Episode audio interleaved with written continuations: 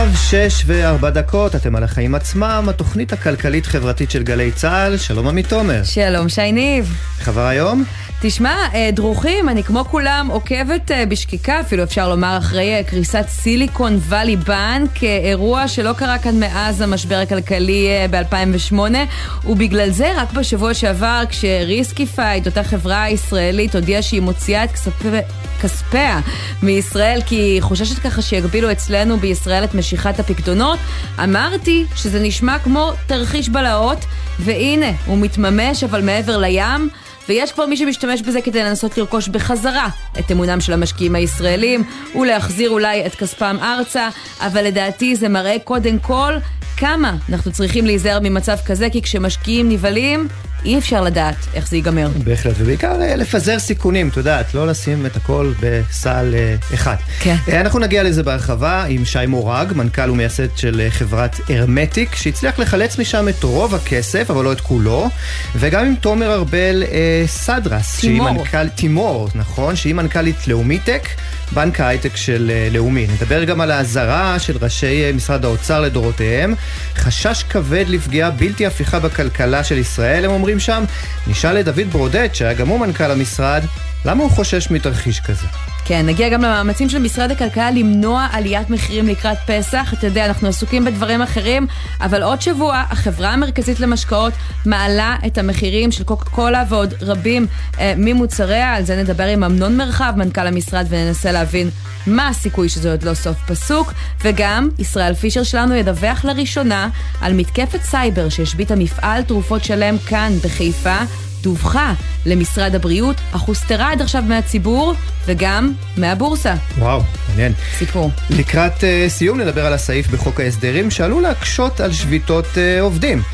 יש זמן עד שנגיע לשם, עמית קודם, מה הכותרת שלך? תשמע, סיפור קטן שככה חמק מתחת לרדאר, אבל בעיניי הוא חשוב. באגף הפיקוח על הבנקים החליטו להרחיב את אמנת הזמינות הפיננסית. זו אמנה שקיימת כבר חמש שנים, אפילו אה, יותר, קרוב לשבע, וסייע ליותר מאלפיים נשים שחוו אלימות כלכלית להתמודד עם החובות שנקלעו אליהן בגלל בני זוגן, וללמוד איך להתנהל בעצמאות פיננסית, דבר שאולי נשמע לי ולך ברור מאליו, אבל שמעתי סיפורים רבים ומפתיעים של נשים חכמות, לפעמים אפילו משכילות, שחונכו לא להתעסק בזה וגילו שזאת הייתה טעות רק כשכבר הייתה מאוחר מדי.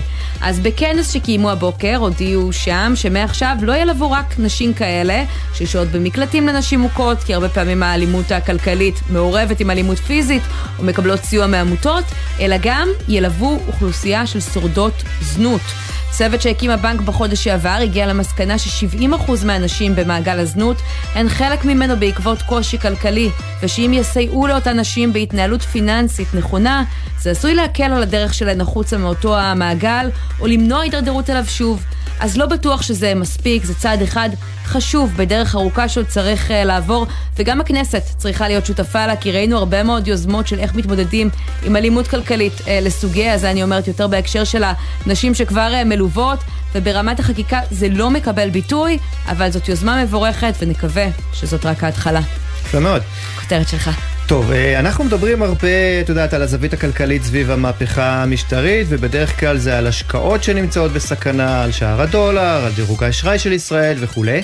אבל מכיוון שלתוכנית שלנו קוראים החיים עצמם, אני רוצה לספר לך ולמאזינים שלנו סיפור קטן שהביאו אסף אה, זגריזק ועילית ינאי בגלובס, על איך שהמהפכה הזו יכולה להשפיע על החיים שלנו גם בעוד דרכים.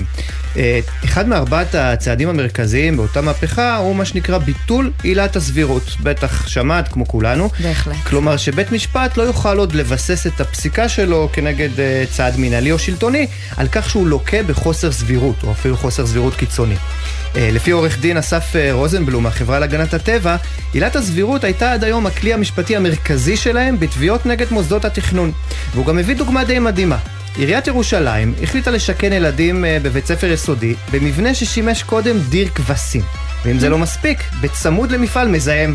ככה יצא. ארגון אדם טבע ודין עתר נגד ההחלטה, ובית המשפט קבע שזו הייתה החלטה בלתי סבירה. עכשיו, אה, אומר למשל דרור בוימל, נציג ארגוני הסביבה שיושב בוועדות התכנון, דבר עוד יותר מעניין. הוא מסביר שעצם היכולת לעתור היום נגד מוסדות תכנון על רקע קבלת החלטות לא סבירות, היא כשלעצמה מביאה את מוסדות התכנון ואת הרשויות השונות להקפיד הרבה יותר על הליכים רציניים, כדי להימנע מראש מקרבות משפטיים. כלומר, ברגע שמסירים את עצם האיום הזה בעתירה, התוצאה היא שנקבל פה הרבה יותר החלטות מהמותן, ובמקרים רבים נגד האינטרס הציבורי. במילים אחרות, תחת הכותרת רפורמה, השלטון מסדר לעצמו הרבה יותר כוח, ובאותה נשימה מחליש את האזרח הקטן. סוגיה מעניינת על התכנון והבנייה. לא מדברים על זה, והאמת יש לה גם שני צדדים, כי מצד שני אלו בדיוק הדברים שאני חושבת שקוראים להם אולי בצדק עודף בירוקרטיה ועודף משפטיזציה. אז זהו, אז, אז מה שאומר בוימל שם, זה שזה דווקא מקל על המשפטיזציה מהבחינה הזו שעצם, ה... מבחינת המאזן האימה שיש, כן. בעצם היכולת להגיש עתירה, הוא כבר גורם לרשויות להתנהל באופן אה, מוסדר יותר, והוא בעצם מונע את העתירות האלה. מהצד השני אני שמעתי איזה סיפור מעניין של חברה לא מזמן, שדווקא מחכה לראות מה יקרה עם הרפורמה ודוחה דיונים בבג"ץ. כדי שהוא לא יבוא להם, אתה יודע, על הראש ויתערב דווקא בדברים שנראים להם. כנראה שלכל דבר יש שני צדדים, אבל כך או כך, אין ספק שלסיפור הזה יש הרבה מאוד השפעות על החיים עצמם שצריכות להיבחן בכובד ראש. כן. נתחיל. יאללה. אנחנו פותחים עם הסיפור המרכזי אה, של היום הזה, קריסת סיליקון וואלי בנק, בנק שמלווה הרבה מאוד סטארט-אפים וחברות הזנק, הייטק, גם בעולם, גם כאן אצלנו בישראל, כשעל פי הערכות מאות סטארט-אפים בעצם אה, ככה הפקידו את כספם בבנק הזה, ולא כולם הספיקו להוציא את הכסף בזמן, מה שמעורר בהלה בקרב אותן חברות. מחר הבטיחו הרשויות האמריקניות, הבנק שוב ייפתח ויוכלו להוציא לפחות חלק מהכספים, אבל בינתיים הלחץ גדול ואנחנו רואים אותו מתבטא גם בבורסה עם צלילה של המדדים המובילים, אפילו uh, מדד uh, הבנקים uh, שלנו ככה באמת ככה מושפע מהסיפור הזה עם ירידה של 4% וגם יתר המדדים יום קשה בבורסה בתל אביב. ראש הממשלה הממשלה. מתייחס היום גם הוא לקריסה הזאת, הוא מבטיח, אנחנו נלווה את המשקיעים, את החברות, לפחות אלו שמרכז פעילותן בישראל, והמבין יבין. אנחנו כמובן לא מתעלמים מקריסת הבנק הזה, אני אבחן היום יחד עם שרי האוצר, הכלכלה והמדע, ואם נגיד בנק ישראל, אם יש פעולות נדרשות כדי לסייע לחברות ישראליות שנקלעו למצוקה בעקבות uh, קריסת uh, הבנק אה, SVP. אבל מה שהוכח פה שוב, זה שכלכלת ישראל היא אחת הכלכלות הפתוחות והיציבות ביותר בעולם. אז האם זה מה שיחזיר את המשקיעים הביתה? בואו נשאל את שי מורג, מנכ"ל ומייסד משותף של חברת הרמטיק. שלום. שלום. אתה מושקע ב-SVP, משקיע כספים שם, כמה זמן כבר? אה, אז חברת הרמטיק בעצם עובדת עם SVB כמעט מיום הקמתה, שזה בערך אה, שלוש שנים, וגם אני עובד עם אה, SVB גם בחברות הקודמות שלי. סך הכל SVB היו שותף מצוין לאורך הרבה מאוד שנים. מומחה בהייטק, מומחה בסטארט-אפ, ובאמת בנק מצוין וצוות מצוין. אז מתי התחילו אצלך נורות האזהרה שאולי משהו שם כבר לא קורה כתמול שלשום? תראה, האירוע אצלנו התחיל אה, אה, ביום חמישי בצהריים. בעצם הסמנכ"ל כספים שלי התחיל לראות בפורומים, לשמוע מחברים שיש איזושהי התרחשות בבנק STB אה, והוא התחיל לעקוב, התחיל לעקוב אחרי ההודעות באינטרנט, אחרי, אחרי המסחר במניה, גם לפני פתיחת הבורסה בנסדק וב-NYSC כמובן יש מסחר במניה. אה, והתחיל לעקוב בזה, באמת לראות מה קורה. והמניה התחילה לקרוס. בהתחלה היה מדובר ב-10% קריסה, אחר כך זה עלה ל-30% קריסה, אנחנו יודעים שהיא סיימה ב-60% קריסה. אמ, במהלך שבע בערב אני והוא דיברנו, אמ, עקבנו אחרי הדברים וקיבלנו החלטה שבינתיים אנחנו לא עושים שום דבר, אנחנו בינתיים אה, משאירים את הכסף שם, כי, כי אתה רגיל לשוק ש... אתה רגיל לשוק שיש בו אה, ירידות ואתה יודע שלפעמים זו דווקא הזדמנות.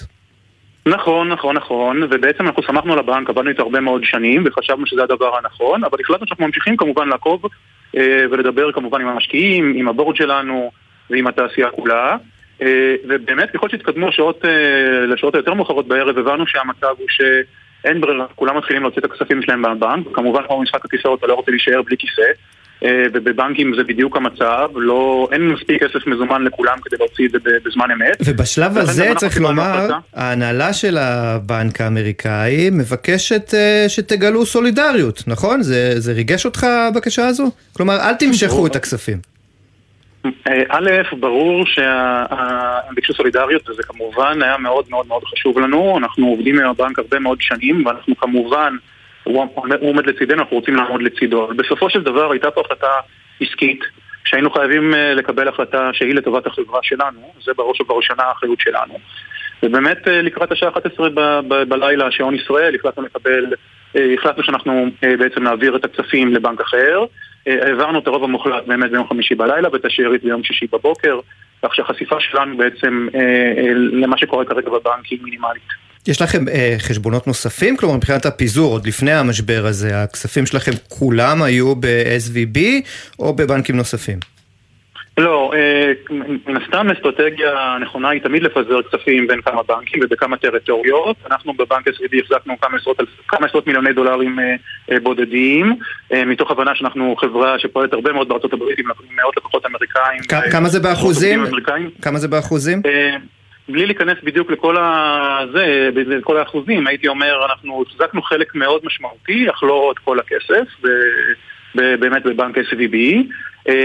וכמובן אנחנו גם פעילים בבנקים ישראלים, ובאמת ההחלטה שלנו הייתה להעביר את הכסף לבנק ישראלי. לפני הקריסה של SVB, שיניתם משהו בחודש האחרון בתמהיל ההשקעות שלכם? הוצאתם כספים מישראל בגלל הסיטואציה פה, כמו שאנחנו שומעים, שיש חברות שעושות, או שאתם לא שותפים למגמה הזאת? לא, אנחנו כרגע לא שותפים למגמה, המחויבות שלנו היא כמובן לחברה ולבעלי המניות. כרגע אנחנו מעריכים שהבנקים בישראל במצב מצוין, הם גם מאוד שמרנים ומאוד יציבים, ואם הדבר הזה ישתנה כמובן ישקול מחדש, אבל כרגע אנחנו לא שינינו שום מדיניות שקשורה לפיזור הכספים שלנו. הסיפור הזה גרם לכם להכניס כסף נוסף לישראל? אז אנחנו כמובן את הכסף מ-SVB העברנו חזרה, אנחנו עדיין נצטרך בנקים אמריקאים, אנחנו נסתם בתקופת ביניים שאנחנו צריכים לקבל החלטה מי השותפים הנכונים שלנו קדימה. ובאמת כרגע כמעט כל הכסף שלנו בישראל. החלק של הכסף שנשאר שם, קודם כל למה בעצם לא הצלחתם לחלץ אותו, אם זה אפיק שבעצם אי אפשר לעשות בו שינוי, ועד כמה הביטוח של הבנק אמור לכסות החלק הזה? Okay, אז אנחנו באמת השארנו חלק מאוד, הייתי אומר, מזערי ביחס למה שהיה לנו, ובסופו של דבר, לכן החשיפה שלנו היא מינימלית. הביטוח הפדרלי, מה שנקרא, נותן כיסוי של עד 250 אלף דולר לחשבון במיידי. זאת אומרת, ה-FIDC פרסמו, הרשות הפדרלית, הרגולטור האמריקאי, פרסם שבאמת 250 אלף דולר אמורים להיות זמינים ללקוחות הבנק החל ממחר. וכמובן אחר כך הם ינסו להחזיר, בעצם להנזיל את נכסי הבנק, או למצוא קונה לבנק, ובאמת להחזיר את כמה כסף שאפשר, בשאיפה, כולנו מקווים שזה יהיה החלק הערך של הכסף, ושכולם יקבלו חזרה קרוב ל-100%. כן. זו ההודעה לא הרשמית של הרשויות האמריקניות. אתם מדברים עם איזה שהם גורמים בבנק בימים האחרונים? יש לכם בגלל מערכת היחסים הארוכה אנשי קשר שם? מה אתם שומעים? אז אנחנו כמובן, הכל עושים בתיאום גם עם הצוות בבנק, אנחנו עובדים איתם הרבה מאוד זמן, והם כמובן שותפים שלנו לדרך, וכמובן גם דיברנו איתם. גם עכשיו, אחרי סגירת הבנק, הצוות מ-SVB עדיין בתמונה? גם עכשיו, אנחנו דיברנו עכשיו, אולי היום כבר טיפה פחות, אבל כמובן במהלך הסוף שבוע והקבלת החלטות שעשינו, בוודאות היינו שותפים ודיברנו עם הצוות לאורך, לאורך כל השעות. ומה הם אומרים? מה הם מספרים? אני, אני, בסוף גם הם, אני חושב, הופתעו מה, מהעוצמה הגדולה של הדבר הזה, של האירוע הזה, אני לא חושב שהם הבינו שזה הולך לשם, אני, ואני חושב שהם התחילו לשמוע יותר ויותר על זה מהתקשורת, וכמו שכולנו הבנו, ברגע שבעצם הבנק, הרגולטור האמריקאי בעצם עצר את פעילות הבנק. אז אני לא בטוח כמה הם ידעו מראש כמה המצב קשה. כן, ומהרשויות המקומיות בישראל, שמעת משהו?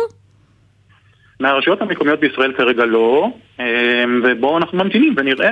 יש חברות שחשופות לזה הרבה יותר מאיתנו, אבל צריך לזכור שבסוף, גם אם כולם יקבלו את הכסף חזרה, עדיין הסיפור של תזרים מזומנים הוא מאוד מאוד חשוב. נגיד, מרבית הכסף שלי שם, אני צריך לשלם משכורות ב-15 במרץ, ואין לי כסף לשלם משכורות, למרות שאני אקבל את הכסף בעוד שלושה חודשים. כבר עכשיו זו הסיטואציה? אתה לא יודע איך תשלם משכורות כבר השבוע? לא, לא, לא, סליחה, לא, לא, אני אמרתי, לא, לא הרמטיק. הרמטיק אמרתי, הרמטיק לא חשופה, הרמטיק חשופה מינימלית מאוד. אמרתי, אם יש חברה שכל הכסף שלה שם, גם אם בסוף הכסף יתקבל בעוד שלושה, חודש, בעוד שלושה חודשים, בעיית התזרים מזומנים יכולה להיות בעיה גדולה מאוד, ולכן כן התעשייה מנסה כרגע להתגייס לטובת חברות ש... תקועות, וגם הרגולטור בישראל, גם אנחנו מקווים שבאמת הממשלה בישראל גם תעזור. ממש לסיום, איך הרגעתם את העובדים? אני מניח שככה צצו כל מיני שמועות בסוף שבוע הזה? אנחנו כמובן, אחרי שבאמת פעלנו והחלטנו את ההחלטה הנכונה מבחינתנו, אז כמובן גם עדכנו את העובדים ביום שישי, שאנחנו הוצאנו את, כמעט את כל הכסף מ-SVB ואנחנו חשופים בצורה מאוד מינימלית. גם לקוחות ששואלים, כמובן התעשייה הזאת היא תעשייה שכולם חשוב באיתנות הפיננסית של חברות סטארט-אפ. כן. אז ברור שכל מי ששואל צריך לענות לו גם לדבר הזה. שי מורג, מנכ"ל ומייסד שותף בהרמטיק, תודה רבה שהיית איתנו. תודה רבה. ובינתיים כאן אצלנו בארץ הבנקים הגדולים הודיעו שיסייעו לחברות שלא יכולות עדיין לחלץ את כספן עם הלוואות גישור. הן לא עושות את זה צריך לומר רק מפילנטרופיה, זה הזמן להחזיר את הלקוחות הביתה עליהם. ואנחנו uh, רוצים לדבר עם מי שככה uh, חווה זינוק אדיר בהעברות הכספים בימים האחרונים. תימור ארבל סדרס, מנכ"לית לאומיטק, בנק ההייטק של לאומי, שלום. שלום, שלום. אצלכם אנחנו מבינים שעל רקע המשבר של SVP העסקים הולכים טוב. אה, אנחנו די בטירוף. אנחנו מיום חמישי בערב, כשהאירוע הזה התחיל להתגלגל, ככה כל האנשים עד שעות הלילה המאוחרות, שישי שמצא שאנחנו אה, בטירוף של עזרה לכל החברות. כן, בבנק ההייטק שלכם, של בנק לאומי, מספרים היום בעצם כי מאז קריסת הבנק SVP, באמת בסוף השבוע, אה, התקבלו אצלכם כמיליארד דולר של חברות אה, הייטק שהשקיעו אה, שם. אה, ואני חייבת לשאול, זה בא אה, על רקע מגמה הפוכה של הוצאת כספים אה, מישראל, של משקיעים, של חברות הייטק. את חושבת שהסיפור הזה יכול להפוך את המגמה לכיוונכם? אני לא יודעת, זה עדיין מוקדם מדי בשביל להגיד. אני חושבת שזה מאוד ברור שיש שלל שיקולים. אה, אני חושבת שהחברות והיזמים רואים את, ה, את היציבות אה, וגם את השותפות המאוד מאוד חזקה שלנו איתם אה, והם יצטרכו עכשיו להבין את העולם החדש שנוצר בעצם אחרי הקריסה של הבנק ולקבל מד... את ההחלטות איפה הם... מנהלים את הכסף. כן, כשאת מדברת על מיליארד דולרים, זה לחשבונות שכבר ככה נפתחו מראש בעבר, או שראינו פה חשבונות שנפתחים אד הוק ממש בסוף שבוע הזה? ראינו חשבונות שנפתחים דוק, אבל זה בעיקר בעיקר של כל הלקוחות הקיימים שלנו. חברות הטק בסופו של דבר בדרך כלל בנויות אה, מחברה ישראלית וחברה אה, אמריקאית, בגלל שזה השוק המרכזי שלהם, והם לכן מחזיקים אה, שתי חברות ושני חשבונות. אז החשבונות קיימים, הם לקוחות אה, טובים שלנו וותיקים, אה, ולמעשה הם אה, הצילו את הכספים אה, משם על ידי זה שהם העבירו אותם אה, אלינו, והכל באמת במהירויות שיא מטורפות. אז תשמעי, להעביר את הכסף אליכם זו אפשרות אה, אחת, יש הרבה בנקים אחרים בארצות הברית, גדולים יותר אה, ופחות. עד כמה הדבר הזה מקבל אה, ביטוי אה, בככה אה, שיקולים של המשקיעים שאתם רואים אה, בימים האחרונים? יש חשש אה, לשיטתך מהידבקות של בנקים נוספים שם בעקבות בהלה של המשקיעים? תראו, קודם כל בנקודות האלה זה נכון שיש הרבה בנקים אה, אחרים, אבל בנקודות האלה בסוף אתה הולך לשותפים שנוח לך איתם.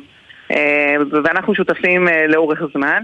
אה, לגבי הבנקים האמריקאים, קשה לי להגיד, אני לא מומחית לזה, אני כן יכולה להגיד שאחד ה, אה, בעצם הסיכונים או האתגרים שהיו ב-SVB זה שהוא בנק שהוא מאוד מאוד ממוקד בתוך אה, שוק ההייטק, לעומת מה שאנחנו רואים למשל בבנקים הישראלים, שההייטק, למשל ב- בלאומי, הוא, הוא פעילות אה, מאוד מאוד חשובה, אבל היא בעצם אחת מיני הרבה פעילויות, מה ש, שאין ביניהם קורלציה. Mm. וזה אה, עוזר מאוד בעצם ליציבות אה, של כל מיני אירועי קיצון כאלה שקורים, הם לא משפיעים בצורה אה, גורפת על כלל אה, הבנק, אלא רק על חלק מסוים ממנו. למה באמת מגזר ההייטק הרגיש צורך באיזושהי בנקאות אה, ייחודית? תראה, אה, אה, חברות הייטק הן חברות אה, שהן מאוד שונות מחברות מסחריות רגילות. הן חברות שצומחות בקצב מאוד מאוד גבוה. אנחנו רואים חברות שקמות שני יזמים ומצגת מה שאנחנו קוראים, ותוך חמש שנים הופכות להיות מה שהיה ב-21 יוניקורן. זה קצב התפתחות שלא רואים אותו בחברות מסחריות רגילות. זה אתגר אחד, והאתגר השני זה שהחברות האלה הן הפסדיות בדרך כלל ברוב ה... אה, ברוב החיים שלהם. כן, עדיין לא אין מודל כלכלי ברור. את דיברת כבר לפני שנה, אני ראיתי ככה על, על שווי מופרך של אה, חברות ההייטק. זה חלק ממה שראינו בסוף שבוע האחרון? זו חלק מהבעיה? השווי, השווי עצמו הוא לא הבעיה, הבעיה, הבעיה היא בעצם אה, נגרמת מהשינויים בריבית. ברגע שהריבית עלתה בצורה כל כך חדה משנים שראינו ריבית אפס, למעשה השיקולים של המשקיעים בקרנות הון סיכון, אפילו לא המשקיעים בחברות, השתנו מאוד. וזה גרם אה, למעשה לקרנות ול, אה, להשקיע סכומים, סכומי כסף שונים בתוך חברות ההייטק, בסוף מהסכומי כסף נגזרים השווים, סכומי הכסף נגזרות ההוצאות, ולמעשה זה דברים שדוחפים אחד את השני. מה אתם עשיתם אחרת? וזה...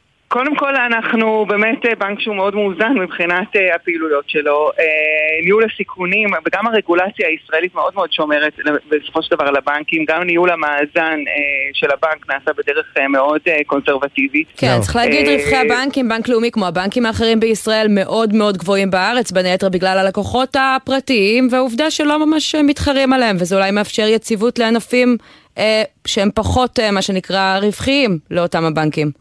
אה, ענפים מאוד מאוד, אה, ענף ההייטק הוא אה, ענף מאוד רווחי בתוך, בתוך לאומיטק, mm-hmm. בתוך בנק לאומי. אבל הוא מתנהל בצורה אחרת, וכן, הגודל של הבנק והשליטה שלו בשוק מאפשרת לו בעצם להתנהל בתחומים שונים. כן. אבל SVB למעשה היה בנק שהתחיל עוד לפני 30-40 שנה, הוא היה הראשון אה, ש, שקם אה, לטפל בתוך הנתח שוק הזה ובעצם אה, תמך הרבה ב, ב, בעצם בפריסה של התעשייה האמריקאית ובעצם הבינלאומית. זאת אומרת, הוא היה גורם מאוד משמעותי. מבחינתנו זה אירוע מאוד קשה. אירוע גדול ומטלטל. אין ספק. כן, תגידי... גוף כזה נופל, זה, זה לא משמח אותך. לסיום, אני חייבת לשאול אותך, אה, הנתונים של אה, מיליארד דולר הם אה, נתונים ממש של סוף השבוע האחרון. כמה כסף אתם חושבים שעוד יעבור אליכם מהבנק הזה? וגם האם אתם כבר רואים תופעה של חברות שמעבירות אליכם כספים מבנקים אמריקנים אחרים, לא SVB, בעקבות האירוע הזה? זה עדיין uh, מוקדם באמת בשביל uh, לראות, אנחנו בסוף ממש בתחילת האירוע הזה, עוד לא התחיל אפילו שבוע המסחר האמריקאי, שצפו להתחיל מחר אחר הצהריים לפי השעון שלנו, אז זה עוד מוקדם. אנחנו צופים uh, עוד uh, כמה עשרות uh, מיליוני דולרים שצריכים לזרום uh, בעקבות כל ה... Uh, שהם כבר נמצאים לתוך העניין בצנרת uh, שיגיעו. ואנחנו מסתכלים בעצם על האתגרים הבאים uh, של החברות, גם המימוניים, אה, וגם אנחנו אה, מאוד מקווים לראות אה, גם את המדינה נכנסת לתוך הסיפור הזה עם איזשהו קרן בערבות מדינה, כמו שראינו בתקופת הקורונה. את חושבת שזה יקרה? כי שמענו שהם מקימים צוות שבודק מה אפשר לעשות. זו אחת האפשרויות שעל הפרק ממה שאתם שומעים? אני חושבת שזה מאוד uh, כדאי שזה יקרה וזה נכון כרגע, אנחנו מדברים על בעצם תעשייה שהיא הקטר של ההייטק, הקטר של המשק, אנחנו יודעים כמה היא חשובה לכלכלה הישראלית אה, ויש אינטרס מאוד גדול אה, גם של המדינה לייצב אותה כרגע בנקודת משבר. אנחנו לא יודעים כמה זמן המשבר הזה ייערך, כן. אנחנו מקווים שאנחנו בימים הקרובים, בשבועות הקרובים, אנחנו נראה פה את הפעילות של הממשל הפדרלי. זה לא כל כך נעים לראות בנק אה, סגור, ושיעבור כמה שיותר מהר. תימור ארבל סדרס, מנכ"לית לאומיטק, תודה רבה לך על השיחה הזאת. תודה רבה גם לכם.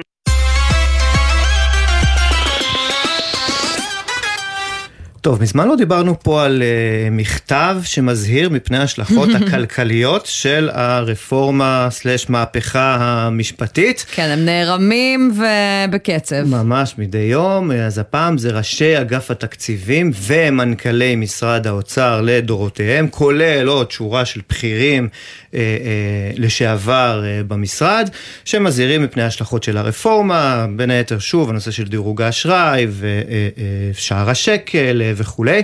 ונמצא איתנו דוד ברודט, שלום. שלום וברכה. לשעבר מנכ"ל משרד האוצר וראש אגף תקציבים. תשמע, אני חייב לשאול אותך, כבר לפני חודש חתמת על מכתב די דומה. מכתב ש... הכלכלנים. שכלל גם את ראשי משרד האוצר, ואני שואל את עצמי, מה יעזור עכשיו עוד מכתב? קודם כל, אה, אתה יודע, בן אדם שייך לכמה קבוצות. אני חתמתי לפני חודש, כמו שאמרת, זה היה מה שנקרא מנכ"לי משרדי ממשלה. כן. ואז חתמתי, והיום אה, התבקשתי לחתום, זאת אומרת, לא התבק... התבקשתי ושמחתי לחתום, הפעם בשם קבוצה של בוגרי ובוגרות אגף תקציבים. והפעם המכתב מופנה לשר האוצר בצלאל סמוטריץ'. כן, הייתי גם כזה וגם כזה, אז אה, יש אנשים שנמצאים יותר מקבוצה אחת, ובעצם אחד המאפיינים שאנחנו רואים במחאה הזאת, שאנשים רוצים להתפקד כקבוצות. אתם רואים את ההייטקיסטים, ואתם רואים מנכ"לים, ואנשי משק, ומשפטנים, ורופאים. כלומר, כל הקבוצות האלה בעצם רוצות לבוא ולהגיד דבר אחד, אנחנו רוצים להיות בצד הנכון של ההיסטוריה. אבל אני שואל את עצמי אם גם אחרי הנאום, אתה יודע מה, במונחים של אה, אה, יצחק הרצוג, נשיא המדינה לפחות, אה, נאום לוחמני וחריף, שאומר בפירוש, הרפורמה הזאת צריכה במתכונתה לעבור מהעולם. זה לא קורה ולא עצרו את החקיקה, אנחנו רואים שהכנסת דוהרת גם היום בוועדת חוקה, חוק ומשפט. והשאלה שוב, במה אתם חושבים שתוכלו אה, אה, לשנות משהו במכתב הזה? המכתב הזה אינו עומד כשלעצמו, הוא מצטרף לעשרות מכתבים אחרים ועל עשרות קבוצות אחרות שהן גם בתחומי הכלכלה, גם בתחומי הביטחון, גם בתחומי המדע, גם בתחומי התעשייה, כדי לבוא ולומר לכל מי שצריך לקבל את ההחלטות, אנחנו חושבים שהרפורמה הזאת, בצורה הנכונה שלה, היא מזיקה. ואנחנו מתריעים, שלא יגידו אחר כך שלא התרענו בצורה כזאת או אחרת. כן. אנחנו רואים סיכון גדול מאוד. אין לנו דרך אחרת לבוא ולומר את דברינו. בוא נדבר על לנו... הגורם שאליו אתם מפנים את הדברים האלה, שר האוצר אה, סמוטריץ'. אני תוהה מה אתה חושב על ההתנהלות של הגורמים המקצועיים במשרד האוצר, כי אנחנו יודעים שמשרד האוצר מפולג כרגע בין ראשי אגפים שחושבים שצריך לקיים דיונים, לבחון לעומק את השלכות אה, אותה רפורמה משפטית, וכאלה ש... אתה יודע, מה שנקרא, בינתיים אה, יושבים על הגדר ומתעסקים בתקציב ובנושאים אחרים. אני לא יודע להגיד לך במדויק את עמדה של כל אחד מראשי משרד האוצר היום. אנחנו כתבנו את זה לשר האוצר משום שהוא באמת צריך, הוא, יש לו שני תפקידים או שני מצבים שהוא אה, מנהל אותם כרגע. אחד כשר האוצר, והשני הוא ראש מפלגה. ראש מפלגה שבעצם, מפלגה שהיא יזמה, או בין היוזמים, יחד עם אה, עמיתו, אה, יושב ראש ועדת החוקה, שמחה רוטמן, המפלגה הציונית הדתית. אבל זו בדיוק השאלה, לכן אני מופתעת שאתם פונים דווקא אליו, כי הוא פוליטיקאי, ואתה יודע, אתה מה שנקרא מכיר את משרד האוצר מקרוב על שלל תפקידיו, ואנחנו יודעים שלפעמים הגורמים המקצועיים לא מסכימים עם הפוליטיקאים, ועושים מעשים, או לפחות עבודות מטה, שישכנעו בעמדתם. תראה, אני לא יכול לבוא כרגע בטענה לעובדי המדינה הפעילים כרגע. עובדי המדינה שכרגע משרתים בתפקידים השונים, אני לא יודע מה, מה דעתם, והם נזהרים כעובדי מדינה להביע את דעתם, ויכול להיות שיש כאלה שסוברים כמונו, ויכול להיות גם שנמצאים בצד השני של המפה.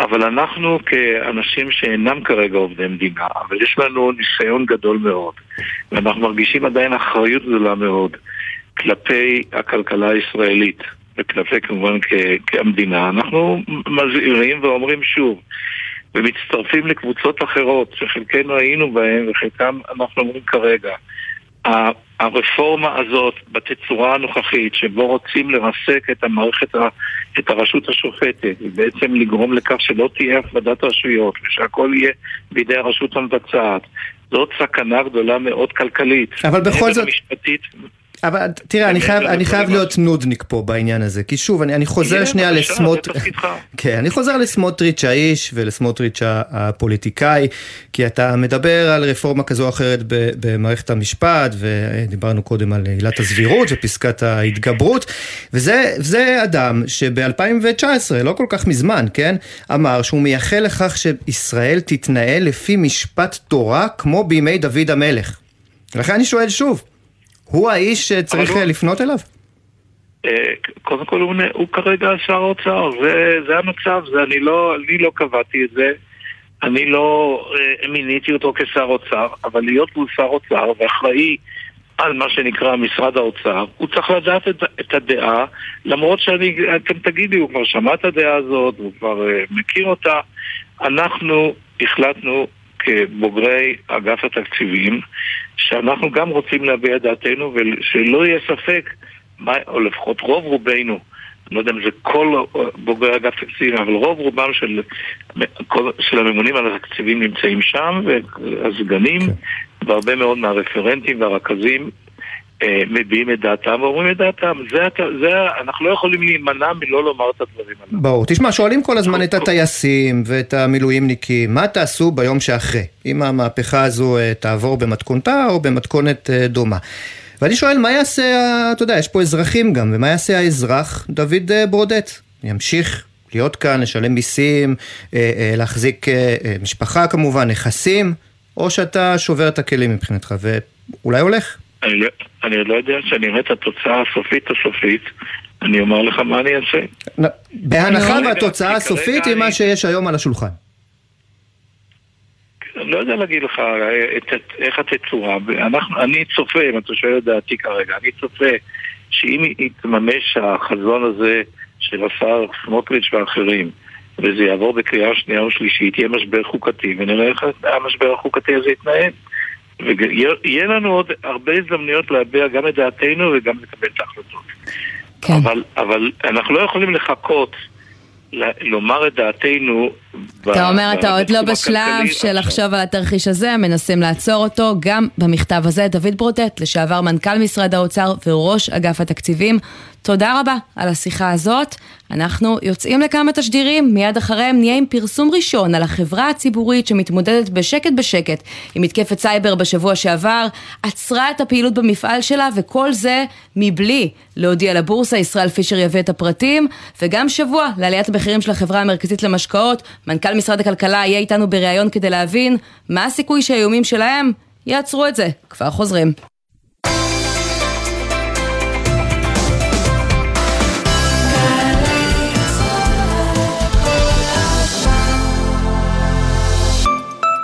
אמא, אבא.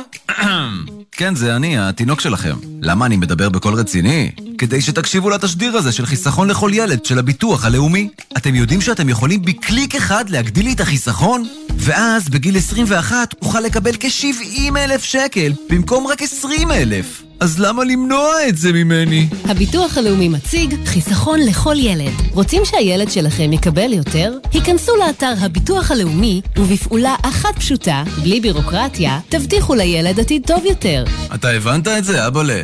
יאללה, אני אחזור להיות תינוק עכשיו. גגה בובו? פרטים באתר. מי לא מכיר את מייגו והאזור האישי-ממשלתי שמוציא אתכם מהתור? מי? למשל אבי, שצריך להעביר בעלות על רכב. ולכן הוא ייסע לדואר, ייתקע בפקק, יחפש חנייה, יעמוד בתור, ו... אתם מבינים? בזבוז זמן, חבל על הזמן. במקום זה, הוא היה יכול להיכנס למייגוב, להעביר בעלות, בקלות, ולקבל גישה למגוון גדול של שירותים ממשלתיים, שיכולים לחסוך זמן, כסף ותורים. חפשו מייגוב ברשת. מגישים מערך הדיגיטל הלאומי ומשרד הכלכלה והתעשייה. בואו רגע נדבר על הקריירה שלכם. סיימתם תואר ראשון, הגעתם גבוה, מה עכשיו? עכשיו הגיע הרגע להמריא ממש מעל העננים. זום פתוח לתארים שניים ברופין. MA בניהול משאבי ים, הגירה ושילוב חברתי, וכמובן MBA.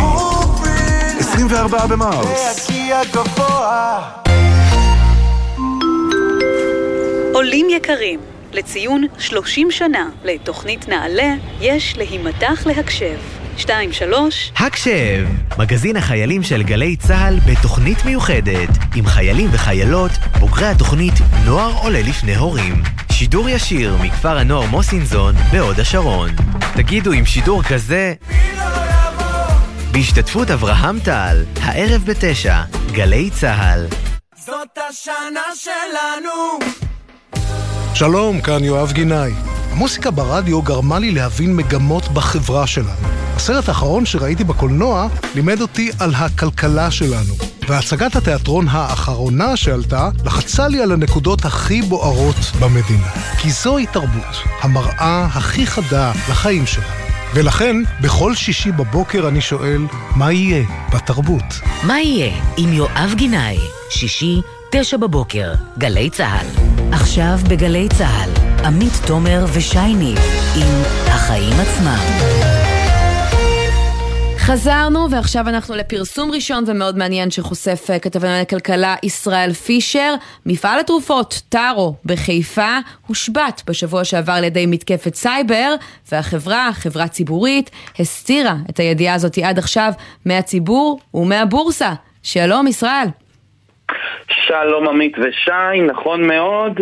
לפני כשבוע, קצת יותר משבוע, קיבל משרד הבריאות הודעה מחברת התרופות טארו, שנמצאת במפרץ חיפה, שמייצרת כמה תרופות מאוד ידועות ומוכרות לכולם, אתופן למשל, לטיפול בכאב ודלקות, או תרופות מרוקן לטיפול בבעיות אה, גסטרו-אנטרולוגיות, בעיות בטן, ואפילו תרופות הרדמה, תרופות מאוד חשובות, חשובות. הודיע למשרד הבריאות שפעילות הייצור שלה הושבתה בעקבות מתקפת סייבר על החברה. ניסינו לפנות לחברה, היה קשה להשיג מאוד את החברה עצמה, אבל ממה שהבנו, אה, פעילות החברה חזרה, החברה חזרה לפעילות לפחות באופן חלקי. בתקופה ההיא חלק מהעובדים חזרו גם הביתה, אבל הם קיבלו על כך שכר מלא בכל התקופה ההיא, ובכל מקרה, משרד הבריאות אמר, החברה דיווחה למשרד הבריאות על האירוע מיד כשהתגלה, והוא מטופל על ידי החברה. נכון לרגע זה לא דווח על צפי למחסור בתרופות בעקבות האירוע. עוד אמר משרד הבריאות, במטרה לשמור על בריאות המטופלים, משרד הבריאות מצוי בקשר עם החברה על מנת לקבל ולבחון את ההשלכות האירוע על פעילות החברה וייצור תכשיריה ויפעל בהתאם ככל שיידרש. עוד נקודה מעניינת שהזכרת בהתחלה היא שקשור לדיווח על האירוע הזה. חברת התרופות טארו היא חברה ציבורית, לא בישראל, היא נסחרת בבורסת ניו יורק, והיא לא דיווחה, ככל הנראה, אני לא ראיתי, לא מצאתי שום דיווח על האירוע הזה באתר החברה. חברות ציבוריות, גם בישראל וגם לפי חוק הרשות לניירות ערך בארצות הברית, מחויבות לדווח על אירועים משמעותיים שקשורים בתחומם. כן. כן. אה, כאמור, עוד לא מצאתי את הדיווח הזה. היה קשה מאוד להשיג את התגובה של החברה עצמה, למרות כמה פניות שלי אל החברה. היום אנחנו נהיה בקשר עם החברה עצמה ונעדכן ככל שידרש, אבל בשורה התחתונה, חברה ישראלית עם מפעל בחיפה הייתה נתונה למתקפת סייבר שהשביתה את הפעילות שלה וגרמה, ל... והודיעה על כך בעצם למשרד הבריאות, אבל לא הודיעה על כך למשקיעים בה. כרגע ישראל, החברה הזאת חזרה לפעילות? המפעל עובד? לפי המידע שהגיע אליי, המפעל חזר לפעילות. אני לא יכול להגיד אם פעילות מלאה או פעילות חלקית, או אם כל קווי הייצור שלה פועלים כרגע. אנחנו יודעים לדבר על מחסור, אה, מחסור במדפים, בבתי המרקחת, או שזה עוד לא שם? אז זהו, לפי משרד הבריאות לא צפוי מחסור מהותי בתרופות, למרות שיש שם כל מיני תרופות אה, לטיפול בסרטן אפילו, ותרופות אה, לטיפול בבעיות בטן, ותרופות לטיפול בכאב. ואנחנו יודעים שבשנה האחרונה יש מחסור אה, אה, בשורה ארוכה של תרופות, אה, בלי קשר לשום פריצת אה, סייבר כזו או אחרת. זהו, אז אם כבר יש מחסור, אז הוא קשור לבעיה באספקת חומרי גלם לייצור תרופות, ובעליית מחירים שקשורה לתובלה ימית, ובקושי ב- לנהל משא ומתן עם חברות שפעלו במקומות שהיו נתונים לסגרי קורונה עד לא מזמן, אבל כרגע לפי משרד הבריאות לא צפוי מחסור בתרופות, אבל מתקפת סייבר כזו שמשביתה מפעל בישראל צריכה להדליק נורות אזהרה אצל חברות רבות ואחרות. אפשר לציין בהקשר הזה שהרשות לניירות ערך כאן mm-hmm. בישראל פרסמה בשבוע שעבר מחקר שמראה ש-84% מהחברות הציבוריות בישראל לא ערוכות כראוי למתקפת סייבר. אז אם אנחנו רואים מתקפת סייבר שכזו, שפוגעת בחברת תרופות, חברה חשובה עם פעילות חשובה לשוק הישראלי, לבריאות הציבור, נתונה למתקפת סייבר שכזו, צריך uh, לדאוג גם חברות אחרות בתעשייה, איך נערכים לאפשרות הזו ולמתקפות הסייבר שהפכו כבר לשגרה בישראל מהרבה מאוד כיוונים. כן, וזה מצטרף גם למתקפת הסייבר שראינו בטכניון לפני uh, מספר uh, שבועות uh, ולמתקפות אחרות. עכשיו מתקפה שכבר מגיעה לחברת תרופות, וכמו שאתה מביא בפרסום הראשון, לא מגיעה לידיעת הציבור, לא מגיעה לידיעת המשקיעים, ככל הנראה בניגוד להנחיות. ישראל פישר, כתבי הכלכלה, אתה תמשיך לעקוב אחרי הסיפור המעניין הזה. תודה רבה בינתיים. תודה רבה, ערב טוב.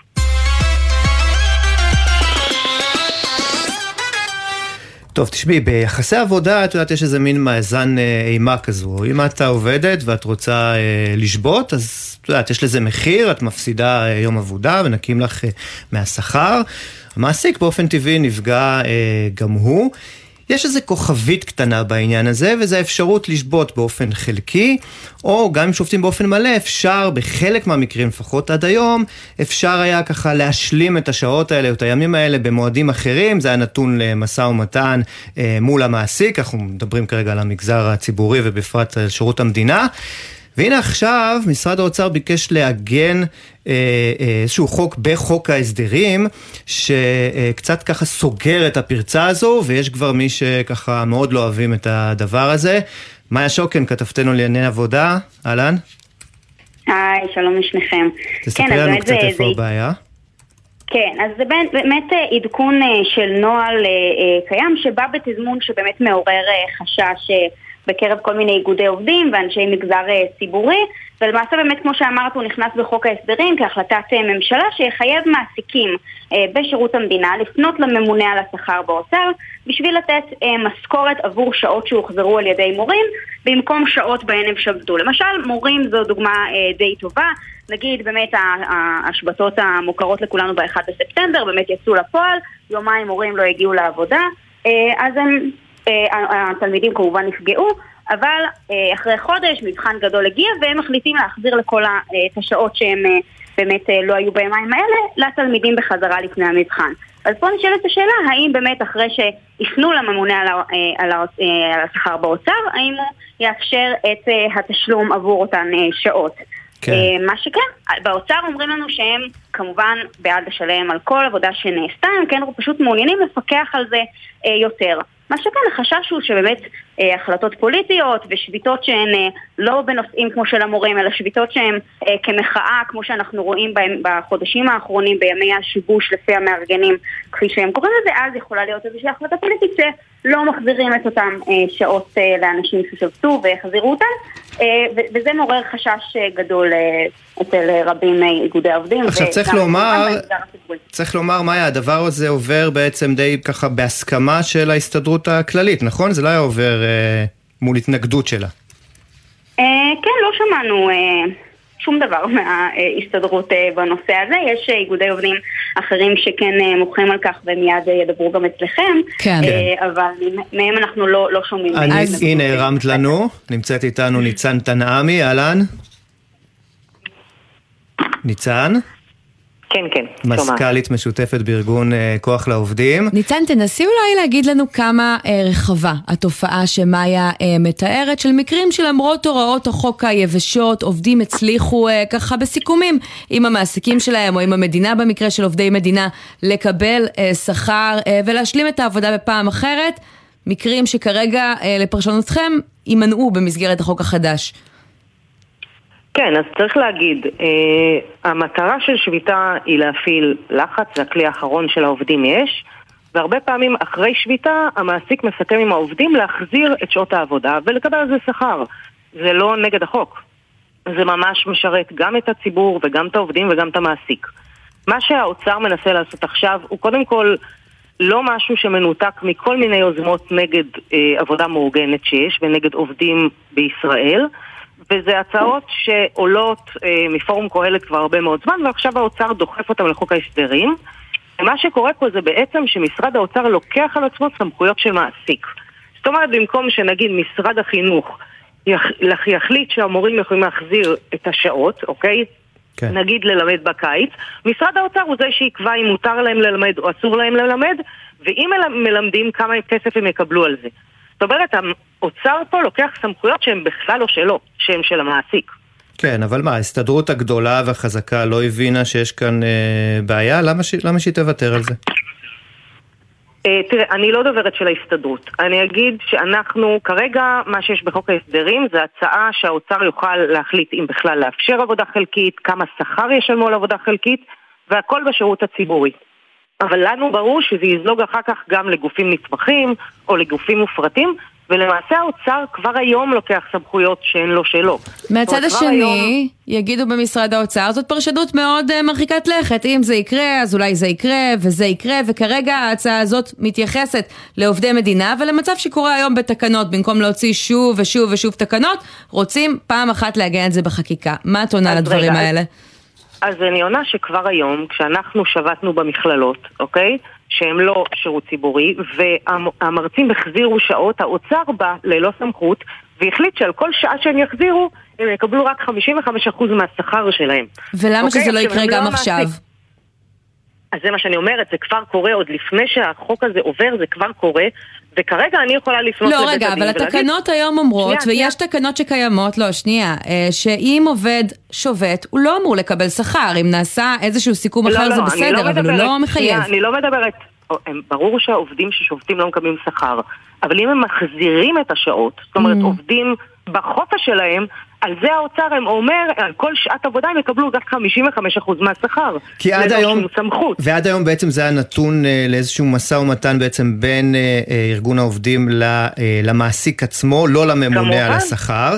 אה, אה, אני הופתעתי לגלות שבעצם גם עורכי דין שמייצגים מעסיקים, מביעים חשש מהעניין הזה, לא הבנתי למה, כי הם בדרך כלל אה, אה, מן הסתם מעדיפים כמה שפחות שביתות. הטענה שלהם היא שבעצם אנחנו, טענה הפוכה, אנחנו נראה יותר שביתות מלאות, בגלל שחוסמים את הדרך ל...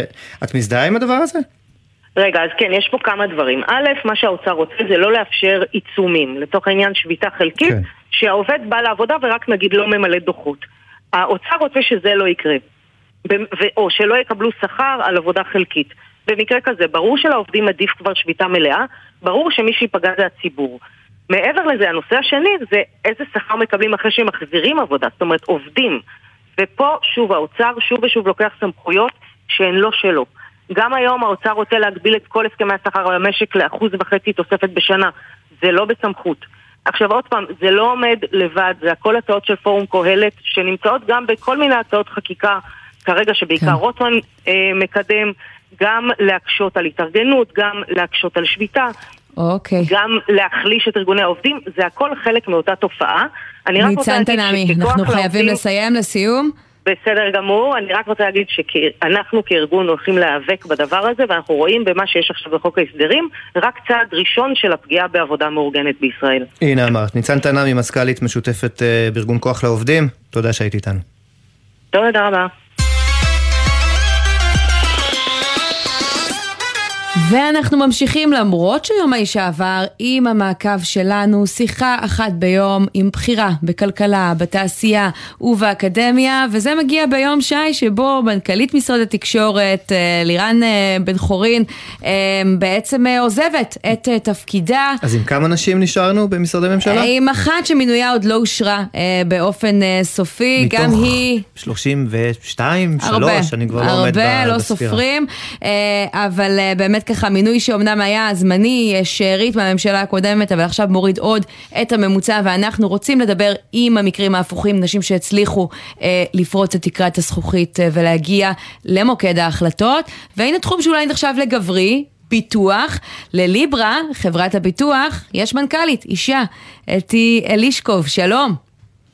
אהלן עמית, מה העניינים? גם שי, מה שלומכם? ערב טוב. אנחנו מצוין, uh, מצוין מה איתך? אני בסדר גמור. אישה, מנכ"לית חברת ביטוח? תספרי לנו איך זה קרה. אה, כן, עולם הביטוח הוא סופר גברי, זה לא סתם גברי, זה סופר גברי. ואני פה עכשיו אגיד משהו יותר מזה. אני לא רק מנכ"לית, אני זאתי שייסדתי והקמתי את ליברה חברה לביטוח, ואני חושבת שאם כבר ראינו איזה מנכ"לית אחת או שתיים בחברות הביטוח, אז בעלת שליטה אני לא חושבת שראינו, כן. לפחות לא בתקופה שלי. צריך לומר, מנכ"לית של חברת ביטוח, היית כבר לפני עשר שנים בחברת נכון הכשרה ביטוח של אה, נכון. בבעלות אה, אלי אלעזרה, אה, ושם באמת היית הראשונה, היחידה לפחות בתפקיד. איך, תספרי רגע על הרגע שהחלטת באמת אה, ככה לעשות מעשה ו- ולהקים חברה, להיות הבעלים, מחזיקה לדעתי כמעט 50% מהשליטה, נכון? נכון. אה, תראה, אני אתחיל ככה באיזה מהיר על ה-CV שלי. אני רואת חשבון. אני התאהבתי בעולם הביטוח כשהייתי רואת חשבון בארנסט יאנג, עברתי להיות סמנכ"ל כספים בהכשרה, לא רואת חשבון טיפוסית. אה, בתקופת משבר ב-2008 לחצתי מניות של הכשרה, האמנתי בחברה ובעבודה שאנחנו ביצענו בה.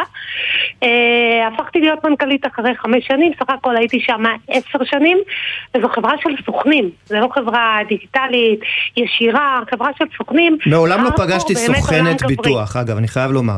יש, זה... קומץ אבל יש. קומץ, לא ממש. כן, הרוב הוא גברי, אין ספק. ואיך זה, איך, איך מתנהלים ככה? איך זה, איפה, איך זה משפיע על ההתנהלות גם שלך?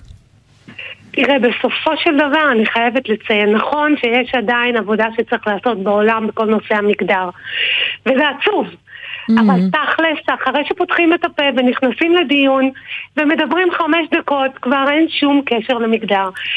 אני באמת אומרת שהמהות זה להיות מקצוען, להיות תותח בתחומך, לדעת את התחום. אבל מה את אומרת פה, שאולי לא נשים לא מפחדות לפתוח מראש את הפה וזאת חלק מהבעיה? אני חושבת שיש קשיים. אני mm-hmm. אספר סיפור אישי שלי, שאני הייתי סמנכ"ל כספים. רציתי להתמנות למנכ"לית של חברת ביטוח מסוימת. הלכתי והתראיינתי, עברתי את כל התהליך, הבעלים מאוד התרשם ממני, ובסופו של דבר הוא לא לקח אותי. מריחה פה אבל. יש אבל רציני, הוא התקשר אליי והוא אמר לי, ואני הערכתי את הכנות שלו. הוא אמר לי, אתי, את תותחית, את מוכשרת. אבל אני מצטער, זה עולם של גברים ואני מעדיף שלא. באיזה שנה קרה האירוע הזה? זה היה ב-2010. 2010, לא כל כך מזמן, כן. 13 שנים, ובינתיים, לפעמים יש תחושה שאנחנו רק הולכות אחורה, לא? את גם מרגישה את זה? לא, לא, אני לא חושבת. לא, לא הולכים אחורה. אני לא חושבת שהולכים אחורה. תני לי להיות אופטימית כמו שאני, ולשבור הרבה מוסכמות. בליברה, 50% מההנהלה. הרבה פעמים אנשים הולכים מאחורה ואומרים... לתפקידים הזוטרים. אצלכם, מההנהלה לא באמת רלוונטי. אבל הנה, זה מראה מה קורה. הנהלה, יועצת המשפטית, משאבי אנוש. כשיש מנכ"לית אישה שמקדם את הדברים האלה. אתי אלישקוב, אנחנו חייבים לסיים, מנכ"לית ומייסדת ליברה, תודה רבה לך על הדברים המרתקים האלה. ביי ביי. ולפני סיום אנחנו עוברים אה, לאמזון, שאחרי שהקורונה הרגילה עובדים רבים בחברות הייטק לעבוד מהבית, מנסה להחזיר את עובדיה מהמשרד, אלא ששם זה נתקל בהתנגדות של העובדים עצומה נגד המדיניות החדשה. כתבת חדשות החוץ, שחר קנטובסקי, את עם הסיפור הזה. שלום. אה, שלום אה, לשניכם. אז באמת עובדי המטה של ענקית הטכנולוגיה אמזון נמצאים בבתים עוד מפרוץ המגפה, הם נהנים מחופש הבחירה שניתן למנהלי הצוותים באשר לעבודה מרחוק, אבל לפני בערך חודש הכריז מנכ"ל החברה אנדי ג'סי, שמה-1 במאי כל העובדים יהיו מחויבים לעבודה מהמשרדים לפחות שלוש פעמים בשבוע. הוא טען שהצעד הזה בעצם יחזק את התרבות הארגונית של החברה, הוא אמר שהוא יודע שעבור חלק מהעובדים ייקח זמן להתרגל למדיניות החדשה, זאת למרות שהיקף העבודה והתפוקה באמת הרקיעו שחקים במהלך התקופה שבה הם עבדו מהבית, אבל מושגים כמו תפוקה כנראה הם לא מה שמעניין את כ-30 אלף העובדים שחתמו על עצומה שקוראת לבטל את המדיניות החדשה שקוראת לעבודה מהמשרד. קרוב... כן. אה, קרוב לעשרה אחוז מכוח האדם של החברה בעצם אה, מתנגד לשינוי, בטענה שהעבודה שלהם אה, מרחוק משפרת את הביצועים שלהם. עשרות טיעונים מתנוססים לצד חתימות העובדים, לפי סקר שנערך בחברה, 87% מוכנים לעבוד מהמשרד במשך יומיים לכל היותר, מטעם אמזון לא נמסרה תגובה. העובדים התחילו להציב דרישות בזמן המשבר בהייטק, מעניין איך הסיפור הזה ייגמר, שחר קנטובסקי, תודה רבה. תודה לכם. נספר לכם רק לפני סיום על הודעה שיוצאת ממש עכשיו בהסתדרות ומנשיאות המגזר העסקי, ארנון בר דוד ודובי אמיתי נפגשים עם הנשיא הרצוג בירושלים ומודיעים שאם לא יאמצו באופן רחב בימין ועד שמאל את מתווה הנשיא, הם לא ישבו מנגד.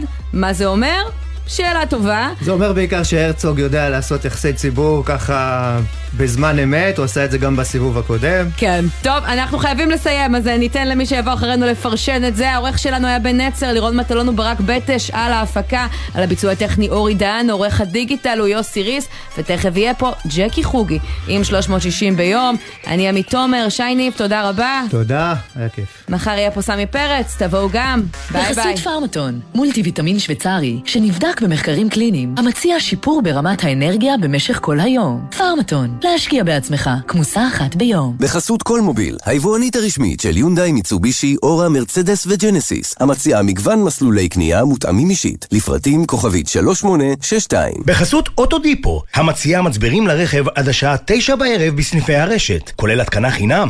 כי אין סיבה לשרוף את שישי במוסך. אוטודיפו.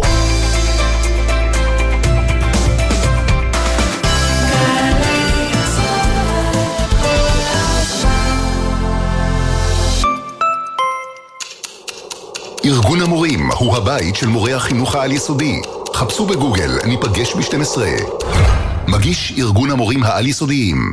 עמיתי מועדון חבר, מותגי הרכב של לובינסקי, פז'ור, סיטרואן, אופל ו-MG בהטבות מיוחדות בשבילכם עד 28 במרס. לפרטים כוכבית 4989 או באתר מועדון חבר. חבר זה הכל בשבילך, חבר קבלו משוואה, כמה זה יחס אישי, כפול מרצים מעולים, לחלק לכיתות קטנות, התשובה, 90% השמה בשנה שעברה. עזריאלי, חממה למהנדסי העתיד ולמהנדסות העתיד. לפרטים כוכבית 9087. האקדמית להנדסה, ירושלים.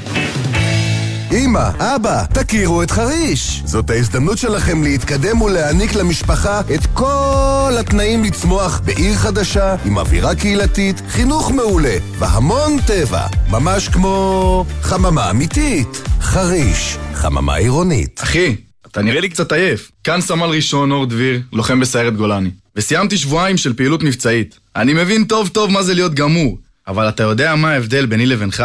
שאני לא עולה על ההגה. כשאתה עייף, עצור להתרעננות במקום בטוח, או שתיתן את המפתחות למישהו אחר שינהג. סומך עליך, אח שלי. גם אני מחויב לאנשים שבדרך עם הרלב"ד.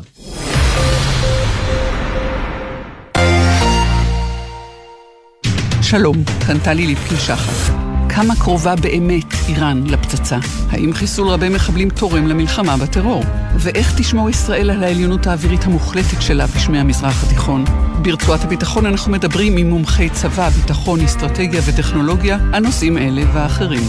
הערב בשבע וחצי, ובכל זמן שתרצו, באתר וביישומון גלי צה"ל. מיד אחרי החדשות, ג'קי חוגי.